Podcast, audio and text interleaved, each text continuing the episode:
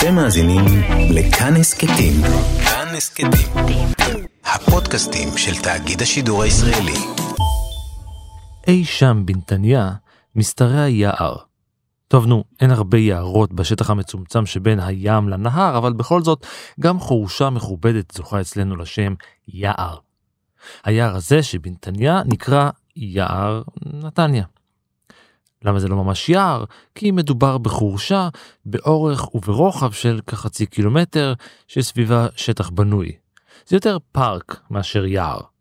ובכל זאת, לפני 73 שנים, לא רק שהמקום הזה היה ידוע כחורשה, באתר הזה התבצע אחד ממעשי הרצח החריגים בימי המנדט הבריטי, רצח כפול, שהיה לאחד הגורמים המשפיעים ביותר על הבריטים לעזוב את הארץ.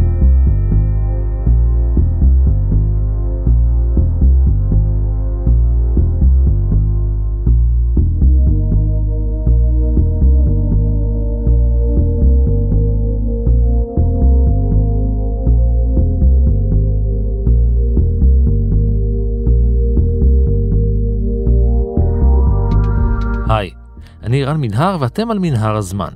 מדי פרק אנחנו מספרים לכם על מקרה שקרה בעבר מזווית שכנראה עוד לא הכרתם. העונה הזאת של מנהר הזמן מורכבת כולה מסיפורים שאתם המאזינים שלחתם. את הרעיון לפרק הזה שלח לנו יונתן אורון, ולפני שאנחנו יוצאים לסיור בחורשה בנתניה, אנחנו חייבים לקפוץ ללונדון.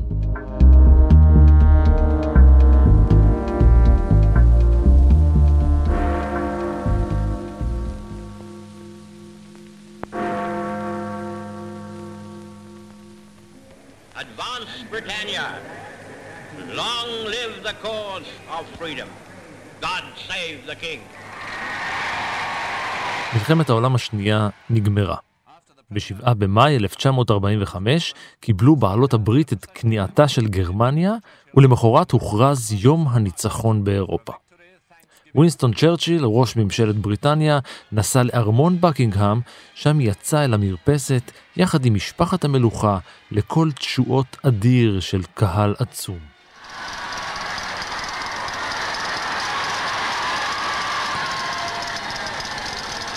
משם הוא הגיע לווייט הול, שם התרכזו עוד אלפי חוגגים, והצהיר, זהו הניצחון שלכם. בהיסטוריה הארוכה שלנו, מעולם לא ראינו יום גדול מזה. הוא הסתובב ופנה אל שר העבודה שלו, ארנסט בבין, והזמין אותו לעמוד לצידו. לא, ענה בבין. ווינסטון, זהו היום שלך.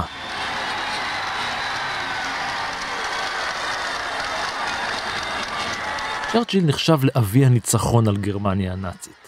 הממשלה שלו, שהוקמה בשנת 1940 כממשלת אחדות לאומית, במטרה לנהל את המלחמה ולשמור על הממלכה המאוחדת, סיימה את משימתה ההיסטורית.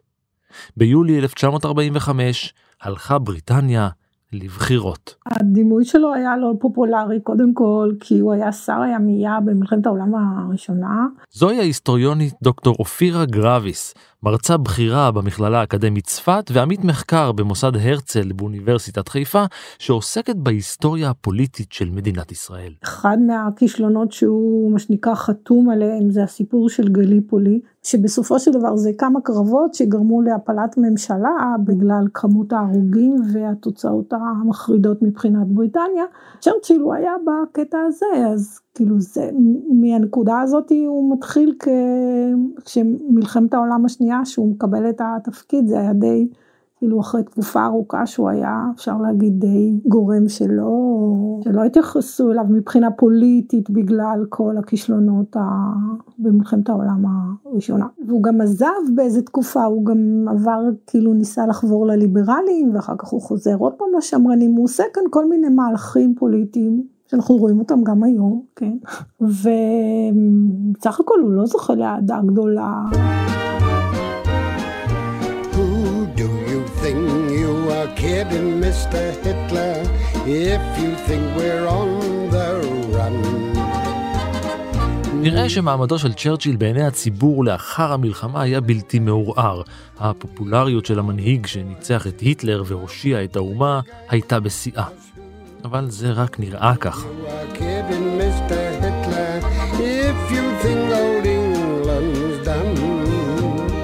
בריטניה יצאה ממלחמת העולם הראשונה, אמנם בצד המנצח, אבל היא יצאה חבולה כלכלית. מי שהציל אותה זה ארצות הברית, עם כמות של נפגעים מטורפת. המציאות הייתה מאוד קשה מבחינת בריטניה. בבחירות של 45 הפסידה המפלגה השמרנית של צ'רצ'יל, והוא נאלץ להתפטר מתפקידו כראש ממשלת בריטניה. אבל הוא לא פרש מהחיים הפוליטיים, ממש לא. בשש השנים הבאות הוא עבר לשבת על ספסלי האופוזיציה, ומשם המשיך להשפיע על ענייני העולם. בכל זאת, זה צ'רצ'יל. בנאום שנשא בשנת 46 על מדיניות ברית המועצות והגוש המזרחי, הוא טבע את הביטוי מסך הברזל. הוא קרא לבריטניה להתנתק מתעשיית הפחם והפלדה של אירופה, והוא היה אחד הקולות הרמים ביותר שדחפו לסיום המנדט הבריטי בפלסטינה. למה אנחנו צריכים להשקיע בהחזקה של שטח שבכלל לא נותן לנו שום תועלת כלכלית, הוא טען. תראה, מבחינת הבריטים הם כבר, עוד לפני המלחמה, הם מגלים עניין באזור בגלל הסיפור של הנפט, בגלל הסיפור של ארץ ישראל נכנס כאן עוד אלמנט ש... שהוא אלמנט דתי שאי אפשר להתעלם ממנו, שקיים בבריטניה בתקופה שקדמה, שזה במהלך המאה ה-19, תפיסות אה, לגבי, מאוד דומים לאוונגליסטים האמריקאים של היום, לגבי אה, היחס לארץ ישראל. והמקום של היהודים בסיפור, ועל הרקע הזה גם כאילו הסיפור של הצהרת בלפור מעבר וכל זה, זה נמצא ברקע של בלפור עצמו, של אה, לואי ג'ורג', הרקע, היחס לנושאים הדתיים, אבל בריטניה מעורבת במזרח התיכון ובארץ ישראל, מי למעשה מי מסע נפוליאון לארץ ישראל, המסע הכישלוני שלו, בריטניה מעורבת בכל מה שקורה פה בגלל היחסים שלה עם האימפריה העות'מאנית. צ'רצ'יל אה, לאורך כל הדרך טוען וטען שהוא הבין את המשמעות של המנדט כמתן אה, מדינה יהודית, מדינה עצמאית ליהודים בארץ ישראל.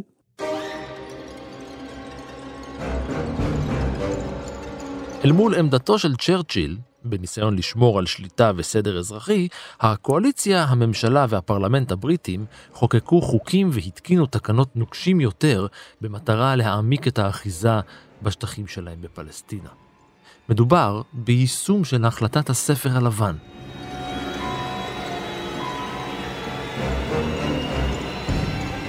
הבריטים החליטו שזה הזמן ליישם את החלטת הספר הלבן, שנכתב ופורסם עוד לפני מלחמת העולם השנייה. צריך כאן לראות את כל ההתגלגלות, אוקיי, הייתה להם איזו אידיאליזציה, זאת אומרת, יש כאן תהליך שהבריטים...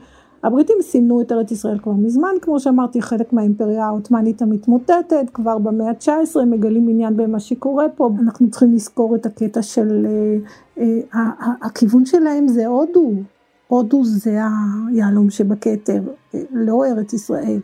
עכשיו, ארץ ישראל היא בדרך, היא האזור ששומר על תעלת סואץ, קריאת תעלת סואץ, זה גם כן משפיע על המקום. הבריטים חותמים על כל מיני הסכמים, המסמך המשמעותי ביותר מבחינה משפטית זה המסמכים שהם חתמו עם ההסכם סייקס פיקו, כי אלה מסמכים עם מפות, עם זה, ויש את ה...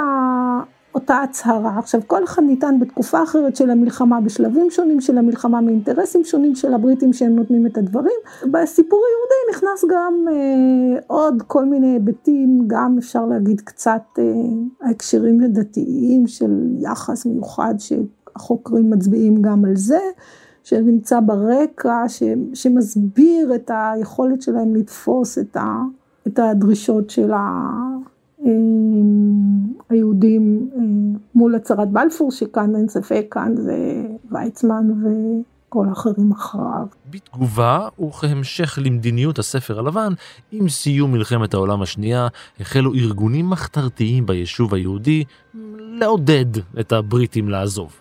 ארגוני האצ"ל והלח"י החלו לתקוף מטרות ויעדים בריטים בסדרה בלתי נגמרת של פיגועים. אבל זה לא התחיל שם. בארגונים הרוויזיוניסטיים כבר משנות השלושים, אחרי אמ, אירועי אה, תרפ"ט או מורות 1929, אה, מתחיל לעלות שאלות, האם אנחנו רוצים את הבריטים הלאה, מי האויב? ו- ו- והאם אנחנו רוצים לשתף פעולה עם הבריטים.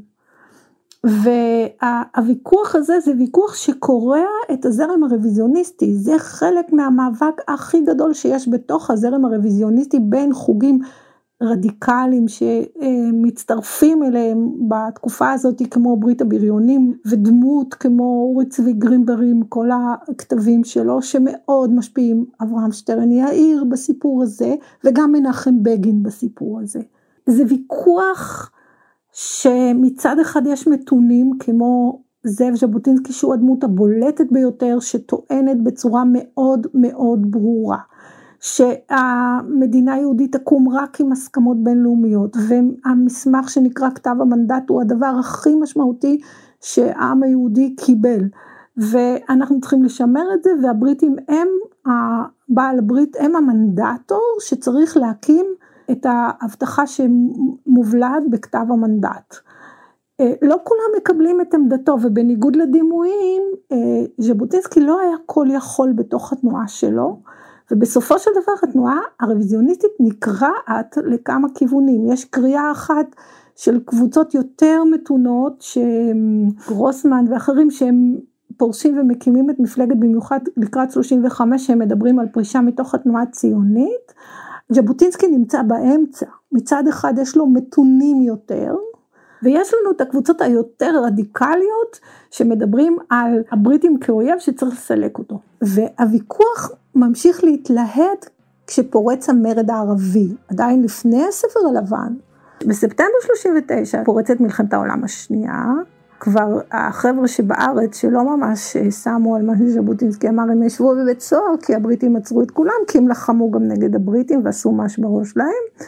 ואז ז'בוטינסקי בא ודופק להם על השולחן ואומר להם חבר'ה לך צעירים העובף שלנו גרמנים וקדימה להתחיל לעבוד עם הבריטים.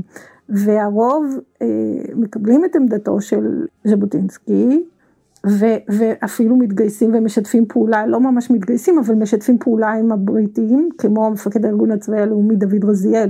במקביל מה שקורה, שאברהם שטרן יאיר אומר, לא, אני לא מסכים עם המדיניות הזאת, ואני רואה את הבריטים כאויב מספר אחד של העם היהודי, והוא פורש, והוא מקים את הארגון שנקרא, בהתחלה נקרא אצ"ל בישראל, ואחר כך הם משנים כדי שיהיה מובחן, שתהיה אה, הבחנה ברורה, אז הוא מקים את ה, מה שנקרא לוחמי חירות ישראל, הם משנים את השם. התנועה הרוויזיוניסטית לא רצתה להקים מחתרת, ו, וזה מתחיל עוד בקטע של הקמת ההגנה, שדרך אגב גם ז'בוטינסקי היה חלק מהסיפור, כי הוא בא ואמר, אוקיי, אתם, אתם השלטון, אתם תגנו עלינו, אם לא תגנו עלינו, אנחנו נגן על עצמנו, אוקיי? זה חלק מתפיסה שאומרת, אנחנו לא נהיה יותר, אה, מה שנקרא, נתונים להתקפות אה, רצחניות נגד העם היהודי, אבל הם רוצים לעשות את זה חוקי, רק שלא נותנים להם לעשות חוקי. עכשיו, הם לא בונים את זה כמחתרת, מחתרת כארגון אה, כזה, הם בונים את זה כמסגרות צבאיות, גם ההגנה,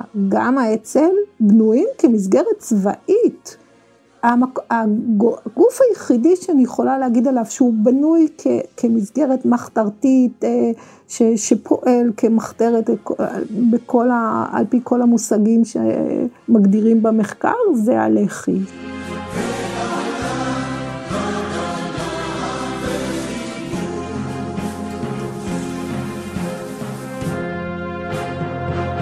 על פי התקנות הבריטיות החדשות, בתי משפט צבאיים הוקמו וקבעו עונש מוות על עבירות שונות, כולל נשיאת נשק באופן בלתי חוקי וחברות בארגון שחבריו מבצעים עבירות מהסוג הזה. In the great synagogue at Tel Aviv, stolen uniforms of many British regiments and bales of forged bearer bonds of the Palestine government have been discovered, in addition to a portable radio transmitter and quantities of illegal weapons and explosives. הממשלה הבריטית, באמצעות המנדט הבריטי בארץ ישראל מצד אחד, וארגוני המחתרות מצד שני, החלו בשורה ארוכה של פעולות שכולן היו תגובה למעשה הצד שמנגד. למשל, הבריטים לא היססו להשתמש בעונש הקשה, עונש מוות, על חמושים יהודים שנתפסו. זה היה גורל לא זכה למשל דוב גרונר בן ה-35, שנתפס בשנת 46 לאחר מתקפה על תחנת משטרת פלסטינה ברמת גן בחודש אפריל. הוא הורשע בגין ירי והצבת מטענים בכוונה להרוג, ובינואר 47 נידון למוות. הוא נכלא בכלא עכו והמתין לביצוע גזר דינו.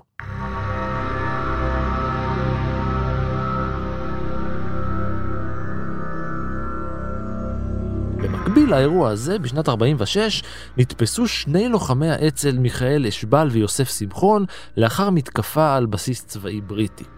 חרף תחנונים רבים מצד אנשי היישוב העברי, ולמרות עתירות משפטיות, השניים נידונו למוות ב-13 ביוני. התגובה מצד ארגון האצ"ל הייתה הכרזה על מדיניות של פעולות תגמול, ביטוי שיחזור ויהדהד בהיסטוריה הצבאית הישראלית לאורך שנים. ב-18 ביוני חטף האצ"ל חמישה קצינים בריטים בתל אביב. למחרת נחטף עוד קצין בירושלים. אם אשבל ושמחון יוצאו להורג, איים האצ"ל, ששת הקצינים ייתלו.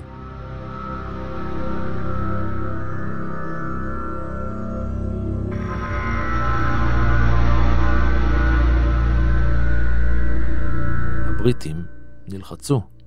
במשך שבועיים נוהל משא ומתן חשאי ומרתוני רק כדי לשמור על חייהם של הקצינים השבויים. בסופו הומר עונשם של אנשי האצ"ל למאסר עולם, והקצינים הבריטים שוחררו למחרת היום. הצלחת פעולת התגמול, המשא ומתן והמתקת עונשם של השניים הכניסו רוח חדשה במפרשי האצ"ל. חטיפות מיקוח, בעוד דוב גרונר ממתין להוצאתו להורג בעכו, ב-26 בינואר, יומיים לפני הוצאתו להורג, חטף האצ"ל קצין מודיעין בריטי בירושלים.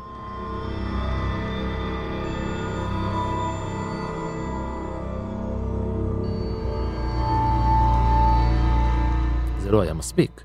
ולמחרת חטף הארגון גם את נשיא בית המשפט המחוזי בתל אביב, הבריטי, רלף ווינדהם.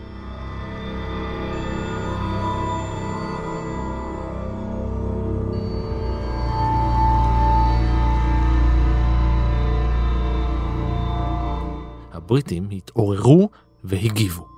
חצי יום לפני ההוצאה להורג, הודיע מפקד הכוחות הבריטים על עיכוב בלתי מוגבל בביצוע גזר הדין, וההוצאה להורג התעכבה. לא בוטלה, התעכבה. האצ"ל התרצה ושחרר את בני הערובה.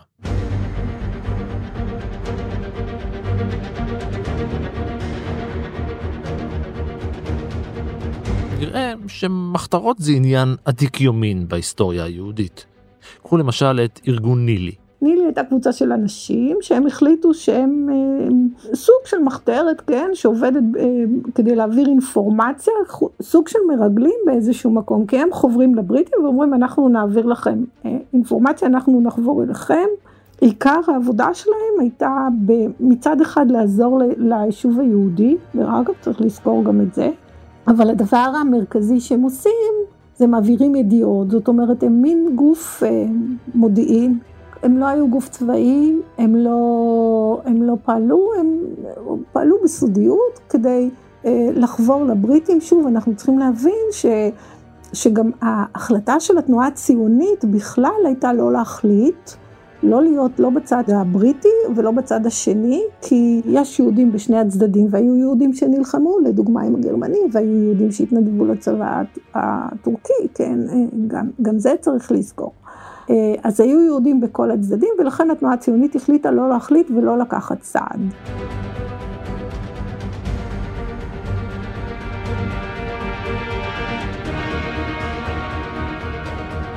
בינתיים בממלכה הבריטית צ'רצ'יל מתחמם.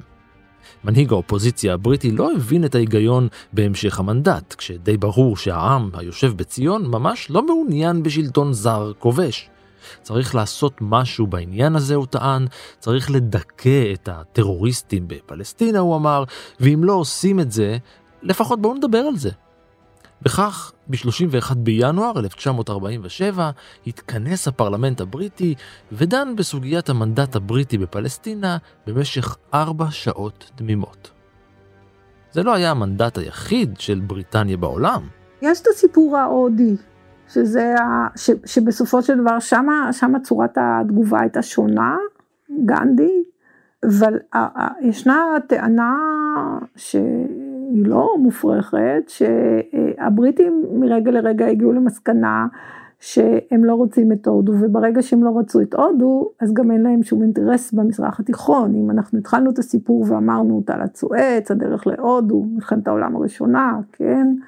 איך הם שולטים וכל זה. ברגע שהודו כבר לא, היא כבר לא היהלום שבכתר, והם מקימים את הודו ופקיסטן וכל מה שקורה שם, אז האינטרס להיות בארץ ישראל יורד. בינתיים בפלסטינה העסק ממשיך להתחמם.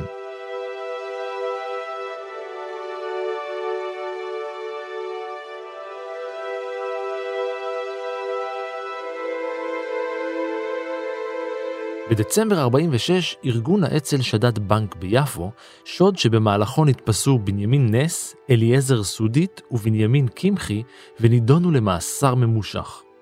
קמחי סירב להכיר בסמכות בית המשפט הבריטי, וכיוון שהיה צעיר, לעונשו נוספו גם 18 מלקות. בבריטניה כדאי לזכור את זה, זה היה עונש מקובל. הם לא המציאו את זה בגלל אה, אנטישמיות, לא שהם לא, שלא היו שם גורמים אנטישמיים, היו גם זה, אבל הקטע היה שאנשים מגיל מסוים, צעירים, כן, כדי לחנך אותם, מרביצים להם, ומלקות ומכות אה, בבתי ספר, זו הייתה שיטת חינוך בבריטניה. האצ"ל פרסם הודעה בעברית ובאנגלית, לפיה הארגון רואה בעונש ההלקאה כהשפלה שלא תעבור בשתיקה, והזהיר את הבריטים שאם העונש יצא אל הפועל, קצינים בריטים יזכו לאותו אקט מצד האצ"ל.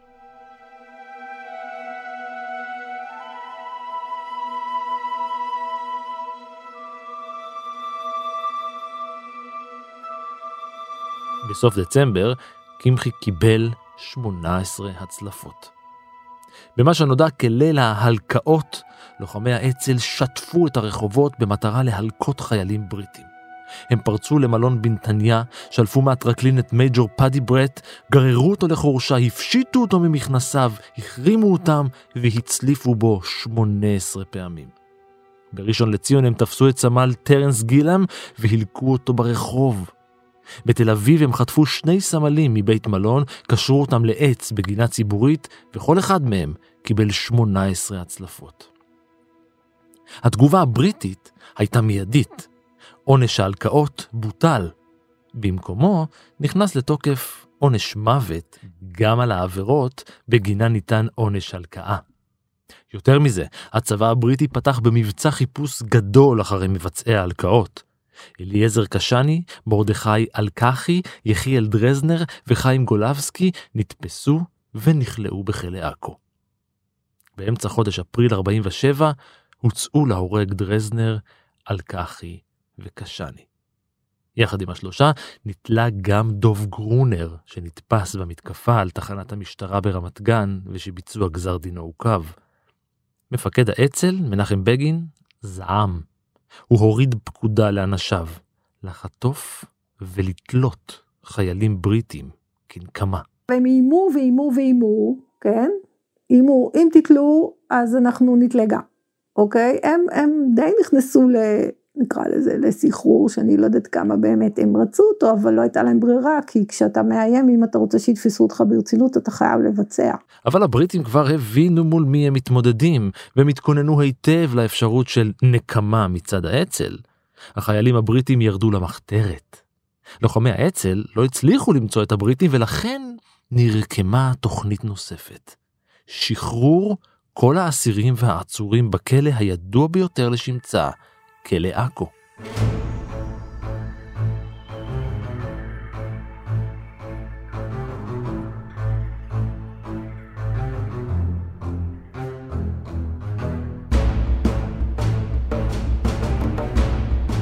כלא עכו פעל בעיר העתיקה בעכו, במבנה ששימש במשך מאות שנים כמצודה. בימיו של המנדט הבריטי ישבו מאחורי סורגיו 790 אסירים 700 מהם היו ערבים. שאר האסירים הביטחוניים היו יהודים חברי ההגנה, הלח"י והאצ"ל. המבנה ההיסטורי העתיק שלו היה כזה שלא ראו איך הם יכולים אה, לברוח ממנו, ו, ושוב, זה, זה גם, גם צירוף, צירופי מקרים שאחד מהאנשים ירד וגילה את כל המערות שמתחת וגילה דרך אה, אה, דברים שלא ידעו איך להגיע לכל מיני מקומות. תראה, האנשים ניסו לברוח לאורך כל הדרך. אנחנו יודעים, כל מחנה מעצר שהיה, הם ניסו לברוח. היו כבר כמה בריחות ידועות. אנשי המחתרת, אה, פועלים, בצורה של ניסיון אה, לברוח באופן קבוע מכל אפשרות של מעצר.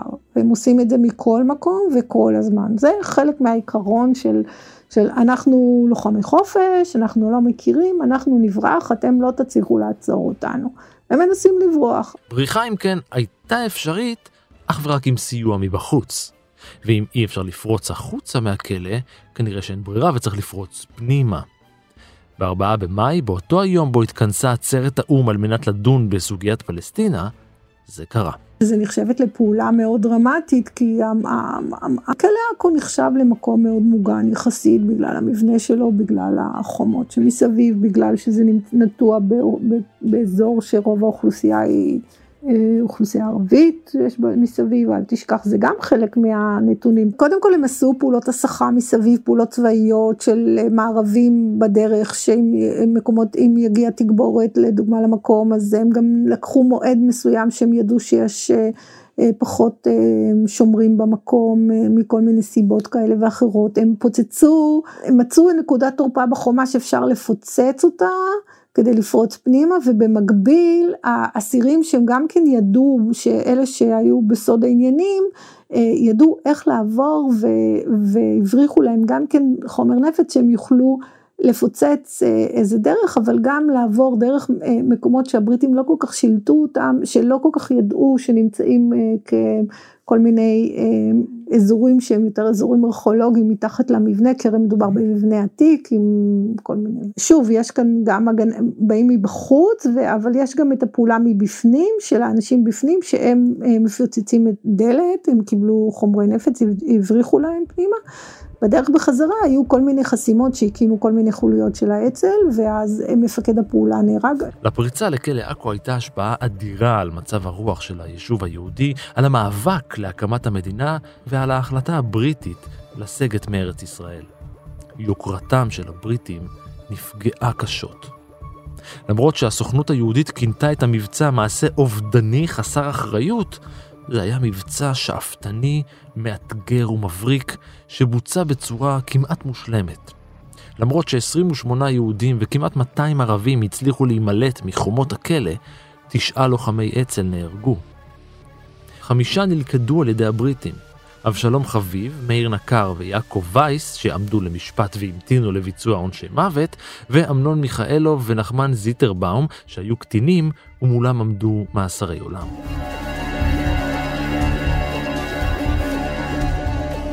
עכשיו, אנחנו כבר יודעים מה הייתה תגובת האצ"ל לגזרי דין מוות בעבר, ולכן ההחלטה שקיבל הארגון גם הפעם לא הייתה מפתיעה. בניסיון למנוע את עונשי המוות הצפויים, בפעולה שתהפוך לאחד הזרזים העיקריים לנסיגה הבריטית משטחי ישראל, יצא האצ"ל להשיג קלפי מיקוח חדשים.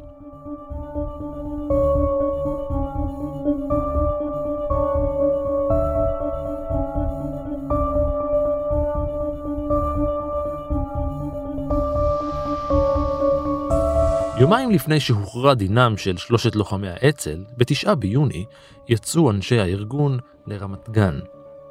הם הגיעו לבריכת השחייה גלי גיל, שם הם חטפו שני סמלים מהמשטרה הצבאית הבריטית. This is Movie Lionel Gamlin reporting.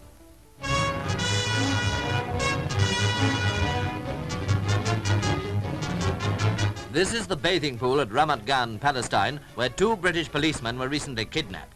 The victims of the outrage, Constable Ward and Sergeant Hackett. They were taken to a house in the Kuriat Shaul settlement, and that's the wardrobe in which they were carried off. Ward and Hackett were tied to the bed with a rope by their captors, who said that it was going to be used later for hanging them. אם הבריטים יבצעו את גזר הדין ויהרגו את שלושת לוחמינו, הבטיחו באצ"ל, נהרוג את השוטרים. אבל זה לא עבד. 19 שעות לאחר מכן נמצא מקום המסתור של החוליה, ושני החטופים שוחררו על ידי הצבא הבריטי. אחרי יומיים נגזר דינם של שלושת לוחמי האצ"ל, מוות בתלייה.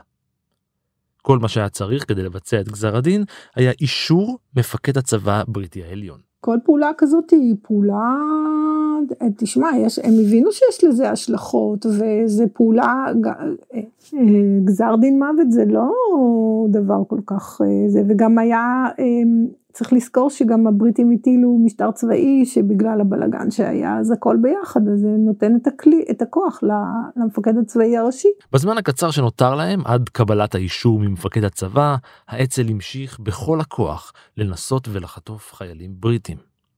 והבריטים, על פי ניסיון העבר, כבר היו מורגלים בניסיונות שכאלה. זו הייתה הסיבה שהם נקטו באמצעי בטיחות וזהירות. החיילים הבריטים עיבו את היחידות, הסתובבו רק בקבוצות של ארבעה, והיו מוגבלים במידה רבה לאזורי ביטחון שמורים בכבדות שהוקמו ברחבי שטחי המנדט. זה לא מנע מהאצ"ל להמשיך ולנסות. ב-22 ביוני הם ניסו לחטוף את עוזר המפקד על המשטרה בירושלים, אך הוא הצליח להתחמק. שלושה ימים לאחר מכן ניסתה חוליה נוספת לחטוף קצין מנהל ולהכות אותו בפטיש, אך הוא הצליח לברוח. ואז התגלתה נקודת תורפה.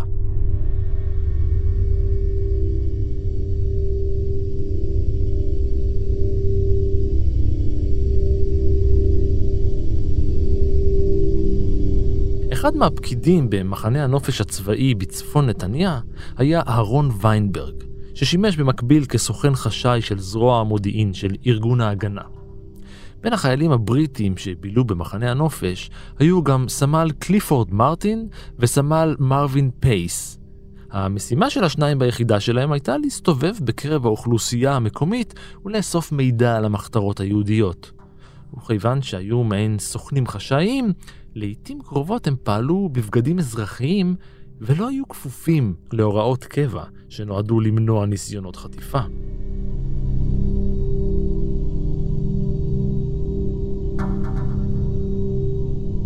סוכנים חשאיים, גם בריטים וגם אנשי הגנה, שנשתלו לעומק אה, בתוך האצ"ל. אה, שוב, אנחנו יודעים שהאינפורמציה, זאת אומרת, אה, הבריטים ידעו מה קורה. יותר נכון, ההגנה ידעה מה קורה. ההגנה הייתה שתולה עמוק בתוך האצ"ל. ויינברג הונחה ליצור קשר עם שני הסמלים. ב-11 ביולי 1947, בהנהגת בנימין קפלן, ממשוחררי כלא עכו, קבוצה של אנשי האצ"ל שלפה נשקים, כלורופורם, מטליות וחבלים ממטמון נסתר, ועשתה את דרכה במונית אל אחד מבתי הקפה בנתניה.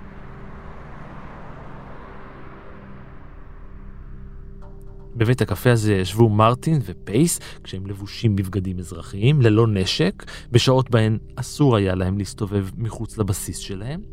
יחד איתם ישב גם ויינברג, שלא היה מודע בכלל למבצע. קפלן פרס את אנשיו ברחובות המובילים אל הבסיס הצבאי ובתוך בית הקפה, וכולם חיכו לפקודה. הם חיכו וחיכו, המתינו והמתינו, והשעות נקפו. רק אחרי חצות קמו שני הסמלים וויינברג והחלו ללכת אל ביתו של ויינברג במקום לחזור למחנה שלהם. חוליה של ארבעה דלקה אחריהם במונית, עצרה אותם לצד הדרך, וכשהם רעולי פנים ובנשקים שלופים, תקפו את שני הסמלים. לאחר מאבק קצר הם הוכנסו למונית והועברו למפעל פלדמן לליטוש יהלומים בדרום העיר, שם הם הוחזקו בחדר תת-קרקעי.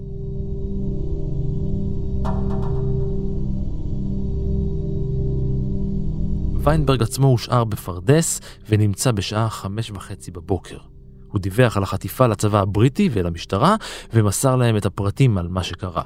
הדיווחים הגיעו גם לחברי ההגנה בנתניה, שיצאו למצוא ולשחרר את הגברים החטופים בכוח, אם צריך. עד אה, ארגון המרי המאוחד, ההגנה פעלה במבצע שבהתחלה הם קראו לו ברטלומאוס ואחר כך קראו לו סזון, שמה זה הסזון? זה לקחת את אנשי האצ"ל, להוציא מהם את כל האינפורמציה שאפשר, כן, ולהסגיר אותם לבריטים. כשיש את ארגון המראה מאוחד, סביר להניח שרמת שיתוף הפעולה עם הבריטים ירדה. אני לא בטוחה שהייתה אפס.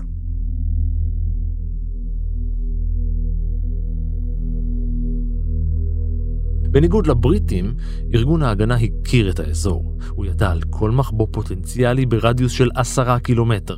למרות זאת, הוא לא מצא זכר לבני הערובה. האצ"ל הודיע כי בני הערובה לא יוחזרו עד שיובהר גורלם של אנשי האצ"ל שנידונו למוות. הצבא הבריטי מצידו הטיל כתר סביב נתניה ועמק חפר, ובאמצעות 5,000 חיילים החל במבצע טייגר למציאת הסמלים. 1,427 איש נחקרו במהלך המבצע, תושבים מקומיים הוכנסו למעצר, ונתניה הפכה לעיר רפאים.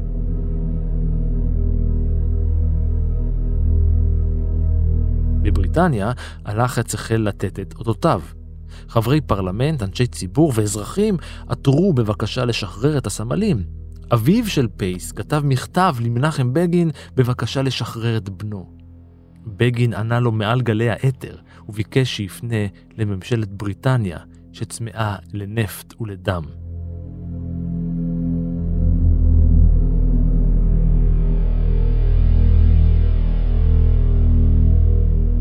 כל מאמצי החיפוש של הבריטים ושל ארגון ההגנה לא הועילו.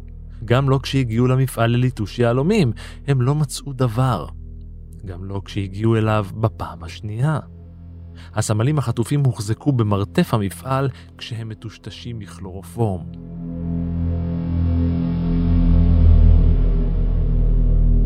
אחרי שבועיים של עוצר על עמק חפר, הוסר הכתר. ב-27 ביולי ניתנה ההוראה הרשמית לתלות את שלושת לוחמי האצ"ל המורשעים. התלייה תוכננה יומיים לאחר מכן. לא הועילו התחנונים ובקשות החנינה האחרונות. לא הועילו החיפושים האחרונים של הכוחות הבריטים אחרי בני הערובה. לא הועילה גם אזהרת האצ"ל הנוספת כי אם יבוצעו גזרי הדין, גם בני הערובה יוצאו להורג.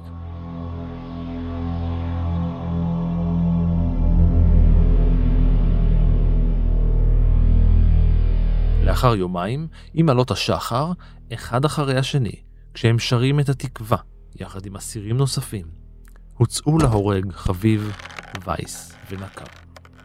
הם נתלו למשך עשרים דקות כל אחד. הם היו עולי הגרדום האחרונים.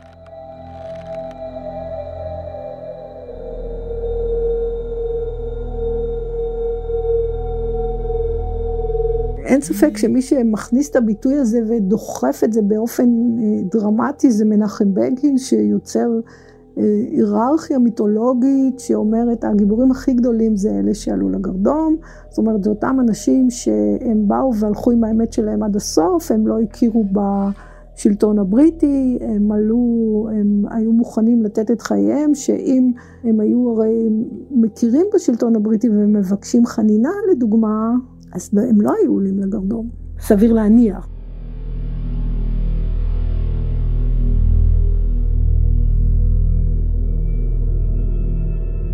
עם היוודע דבר מותם של השלושה, התמלא היישוב העברי ציפייה דרוכה לראות מה יעשה האצ"ל.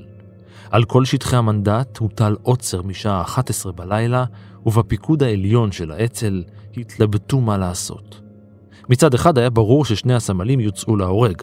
מצד שני, איפה? במפעל? בשטח ציבורי למען יראו וייראו? בעצה אחת עם מנחם בגין, הוחלט כי שני הסרג'נטים יחוסלו בתחומי המפעל, אולם יועברו לשטח ציבורי כדי שכל העם יראה. בערך בשעה שש אחר הצהריים הוצאו פייס ומרטין אחד אחרי השני, הועברו לחדר סמוך כשראשם מכוסה וידיהם ורגליהם קשורות. זה אחרי זה הם הועלו על כיסא, צווארם הוכנס ללולאת החנק, והם נתלו למשך עשרים דקות כל אחד.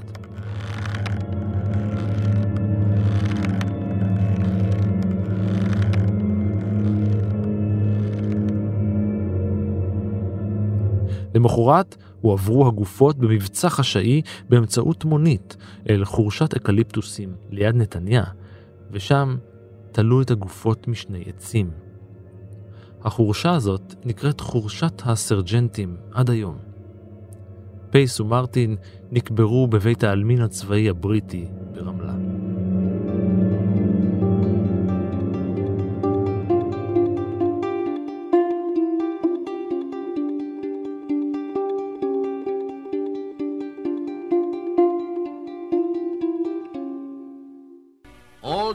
People must have been horrified by the murder by Jewish terrorists of the two British sergeants, Mervyn Pace and Clifford Martin. Their funeral took place at the Ramley Cemetery with full military honours. The two sergeants, kidnapped as hostages, were hanged as a reprisal, the sort of cruelty once commonly indulged in by the Nazis. Until the appalling situation in Palestine is cleared up, unspeakable outrages may well continue. עם התפשטות הידיעה על הגופות ברחבי נתניה, התושבים, מחשש לנקמה, החלו להצטייד במזון, וחלקם אף עזבו את העיר. שוטרים וחיילים בריטים השתוללו בתל אביב. הם שברו חלונות של חנויות ואוטובוסים ותקפו יהודים. בתגובה, קבוצות של צעירים יהודים החלו לסקול את הסיורים הרגליים של המשטרה. ובתגובה לתגובה, שוטרים בריטים פתחו באש על שני אוטובוסים והרגו ארבעה. הבריטים עצרו 35 מנהיגים פוליטיים חברים במפלגה הרוויזיוניסטית, כולל ראשי הערים נתניה, תל אביב ורמת גן. הם הוחזקו ללא משפט במחנה המעצר לטרון. הרשויות הבריטיות הודיעו כי מעתה נאסר על כל היהודים לעזוב את המדינה עד להודעה חדשה, והצבא הבריטי קיבל אישור להתחיל להרוס בתי יהודים. הגינויים הגיעו מכל הקשת הפוליטית והחברתית בבריטניה, כולל היהודית. ביום שישי, 1 באוגוסט 1947, הידיעה על רצח האצ"ל בדם קר התפשטה ברחבי בריטניה, ומעשי אלימות נגד יהודים והתפרעות החלו בכל הממלכה. הדיילי אקספרס פרסם בעמוד השער תמונה בה נראו הקורבנות כשנמצאו, כשידיהם קשורות מאחורי גבם, חולצות עוטפות את ראשיהם, והם תלויים מעצי אקליפטוס, מתחת לכותרת בריטים תלויים, תמונה שתזעזע את העולם.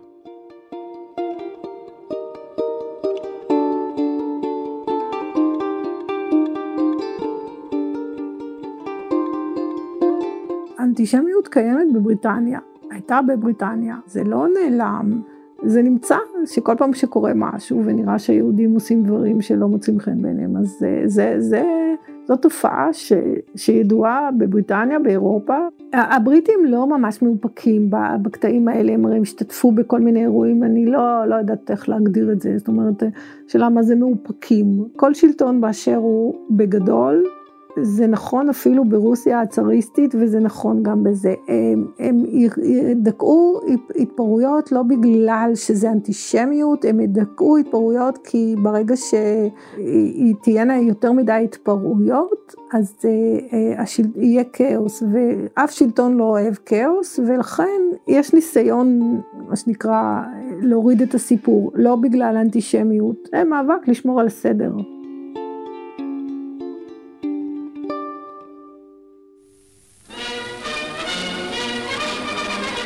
הסדר. Haifa, the last British troops leave Palestine, and very few of them can have been sorry.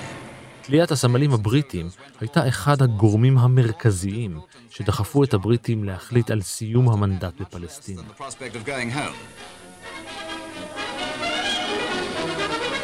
התלייה הזאת השפיעה שבסופו של דבר כן התחיל ויכוח גדול מה, מה אנחנו עושים ב... בארץ ישראל, האם אנחנו צריכים את זה ומה, ומי צריך את כל הסיפור הזה. ככל שיותר משפחות קיבלו הודעות שהיקירים שלהם מתו, מבחינתם זה היה סתם. ואז התחיל, אה, התחיל debate מאוד גדול, האם אנחנו רוצים להמשיך להישאר בארץ ישראל.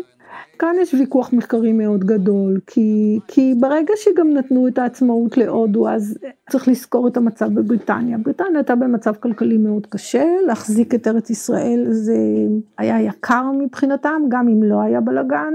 העימותים בין היהודים והערבים הצריכו, גם אם לא היה עימות מול הבריטים, העימותים בין היהודים והערבים הצריכו אותם להחזיק פה מערכת אה, צבאית ומערכת בירוקרטית שעלתה הרבה כסף.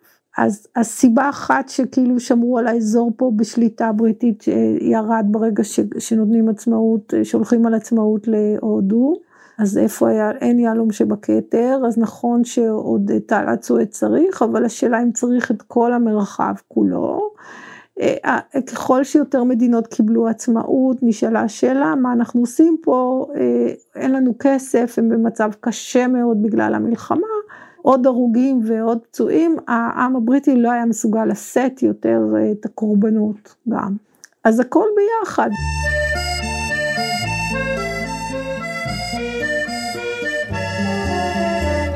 ועד כאן מנהר הזמן להפעם. תודה לאופירה גרביס, תודה גם לאור מנהר שלחם בעוז והיה על ההפקה, ולאייל שינדלר שירד למחתרת והיה על העריכה. תודה גם ליונתן אורון על הרעיון לפרק. גם אתם מוזמנים להמשיך ולשלוח לנו רעיונות לפרקים. אתם מוזמנים להמשיך גם לעקוב אחריי ברשתות החברתיות, בפייסבוק ובטוויטר, להגיב, להעיר, ובעיקר להתחבר. עוד סיפורים מההיסטוריה ופרקים אחרים של מנהר הזמן מחכים לכם כל העת באתר שלנו, באפליקציה כאן, בכל יישומון הסכתים אחר, וגם בספוטיפיי. אני ערן מנהר, נשוב וניפגש בפרק הבא. חורשת האקליפטוס, הגשר הסירה,